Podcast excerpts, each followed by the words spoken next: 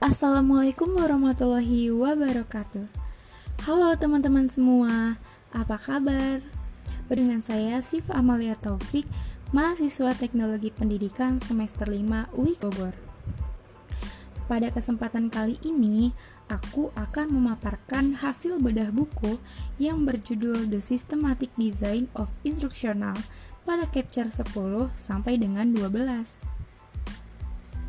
Nah, Sebelum aku lanjut ke pembahasan materinya, jangan lupa untuk follow akun Instagram Prodi Teknologi Pendidikan yang udah aku cantumin di deskripsi ya.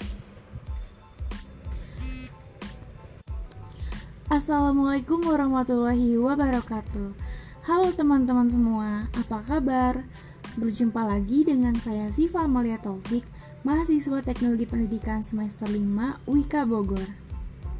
Pada kesempatan kali ini, aku akan memaparkan hasil bedah buku yang berjudul The Systematic Design of Instructional pada capture 10 sampai 12. Nah, sebelum aku lanjut ke pembahasan materinya, jangan lupa untuk follow akun Instagram Prodi Teknologi Pendidikan yang udah aku cantumin di deskripsi ya. Oke, langsung aja kita bahas ke materinya. Buku ini membahas tentang model desain instruksional. Model Dick and Carey ini adalah model prosedural, yaitu model yang menyarankan adanya penerapan prinsip-prinsip desain instruksional yang terdiri dari 10 langkah. Langkah-langkah yang berurutan hingga aspek revisi dapat dilakukan secara menyeluruh. Pada chapter 10 yang berjudul Designing and Conducting Formative Evaluation, pada bab ini membahas tentang mendesain dan merancang atau mengembangkan evaluasi formatif yang merupakan tahap ke-8. Kegiatan pada tahap ini adalah merumuskan desain evaluasi formatif untuk menilai bahan pembelajaran yang sudah didesain pada tahap sebelumnya. Evaluasi ini dilakukan oleh tim pengembang. Nah, di dalam bab ini ada empat tahapan evaluasi formatif yaitu yang pertama expert review oleh tim ahli contents dan ahli desain pengembangan. Evaluasi tahap ini harus dilakukan oleh ahlinya secara tertulis maupun wawancara. Tujuannya itu untuk mengevaluasi kelengkapan dan kualitas serta ketetapan bahan ajar yang telah dikembangkan. Lalu yang kedua ada one-to-one evaluation yang dilakukan oleh peserta didik sebanyak tiga orang secara tertulis maupun wawancara atau lisan mengenai keterbacaan bahan ajar. Tahap ini dilakukan setelah selesai direview dan dievaluasi oleh tim ahli. Lalu yang ketiga ada small group evaluation, yaitu evaluasi melalui uji coba tertahap peserta didik dalam kelompok kecil sekitar 8 sampai 20 orang sebaiknya di luar peserta didik yang mengevaluasi one to one. Dan lalu yang terakhir yaitu ke, eh, tahap yang keempat, file, tri file trial atau uji coba lapangan merupakan evaluasi di kelas yang sesungguhnya. Setelah merevisi dari hasil evaluasi small group tahap 3, evaluasi ini dapat menggunakan 15 sampai 30 orang peserta didik. Lalu pembahasan pada chapter 11 yang berjudul Revisi Instructional Materials. Nah, pada bab ini merupakan tahap ke-9 dari model desain Dick and Carey, yakni membicarakan tentang bagaimana melakukan revisi terhadap draft program pengembangan pembelajaran. Pada langkah ini tidak hanya mengevaluasi terhadap draft program saja, akan tetapi pada semua sistem pembelajaran mulai dari analisis instruksional sampai evaluasi formatif.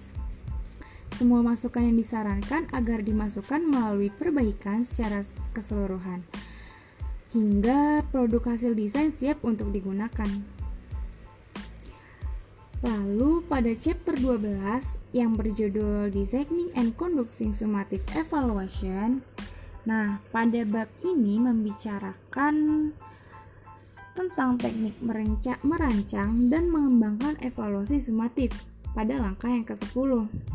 Menurut Dick and Carey, tahap ini merupakan evaluasi puncak dalam aktivitas desain model pembelajaran yang telah dirancang. Evaluasi sumatif dilakukan setelah revisi akhir dari evaluasi formatif yang dilakukan oleh desainer sesuai dengan standar dan siap untuk dimanfaatkan. Evaluasi sumatif dilakukan oleh evaluator independen dari di luar desainer. Sehingga ini menunjukkan bahwa evaluasi sumatif ini tidak termasuk ke dalam proses desain pembelajaran. Kita lanjut ke pembahasan berikutnya yaitu the systematic design of instruction diadaptasi sebagai step of system approach model of education research and development. Sistem approach model merupakan sebuah model yang digunakan untuk mendesain materi pembelajaran. Dick and Carey menyatakan tidak ada model pendekatan sistem tunggal yang digunakan dalam mengembangkan atau mendesain suatu media pembelajaran. Model yang dikemukakan memiliki komponen yang tidak selengkap model-model pengembangan yang lain, tetapi tersusun dari komponen-komponen utama dalam model-model yang lain. Desain dan proses dalam model ini mengacu pada Instructional System Development atau ISD. Nah, langkah-langkah model pendekatan sistem untuk penelitian dan pengembangan pendidikan tersebut dipandang lebih tepat guna daripada model Borg Gall yang lama pada tahun 1983 untuk digunakan oleh mahasiswa yang melakukan penelitian untuk menyusun tesis bagi calon magister pendidikan dan menyusun disertasi bagi calon dokter pendidikan. Dasar rasionalnya adalah model tersebut lebih efisien daripada model R&D mereka tahun 1983. Efektivitas dan efisiensi model tersebut dilihat dari segi penggunaan waktu, sumber daya khususnya biaya, dan tenaga penelitian. Lalu kita lanjut ke tahapan pengembangan materi dan evaluasi. Untuk memastikan bahwa kita telah memilih pelajaran yang dibutuhkan, gunakan mata pelajaran yang telah dikuasai atau dipelajari oleh peserta didik. Nah, selanjutnya evaluasi bagaimana pelajaran itu berjalan.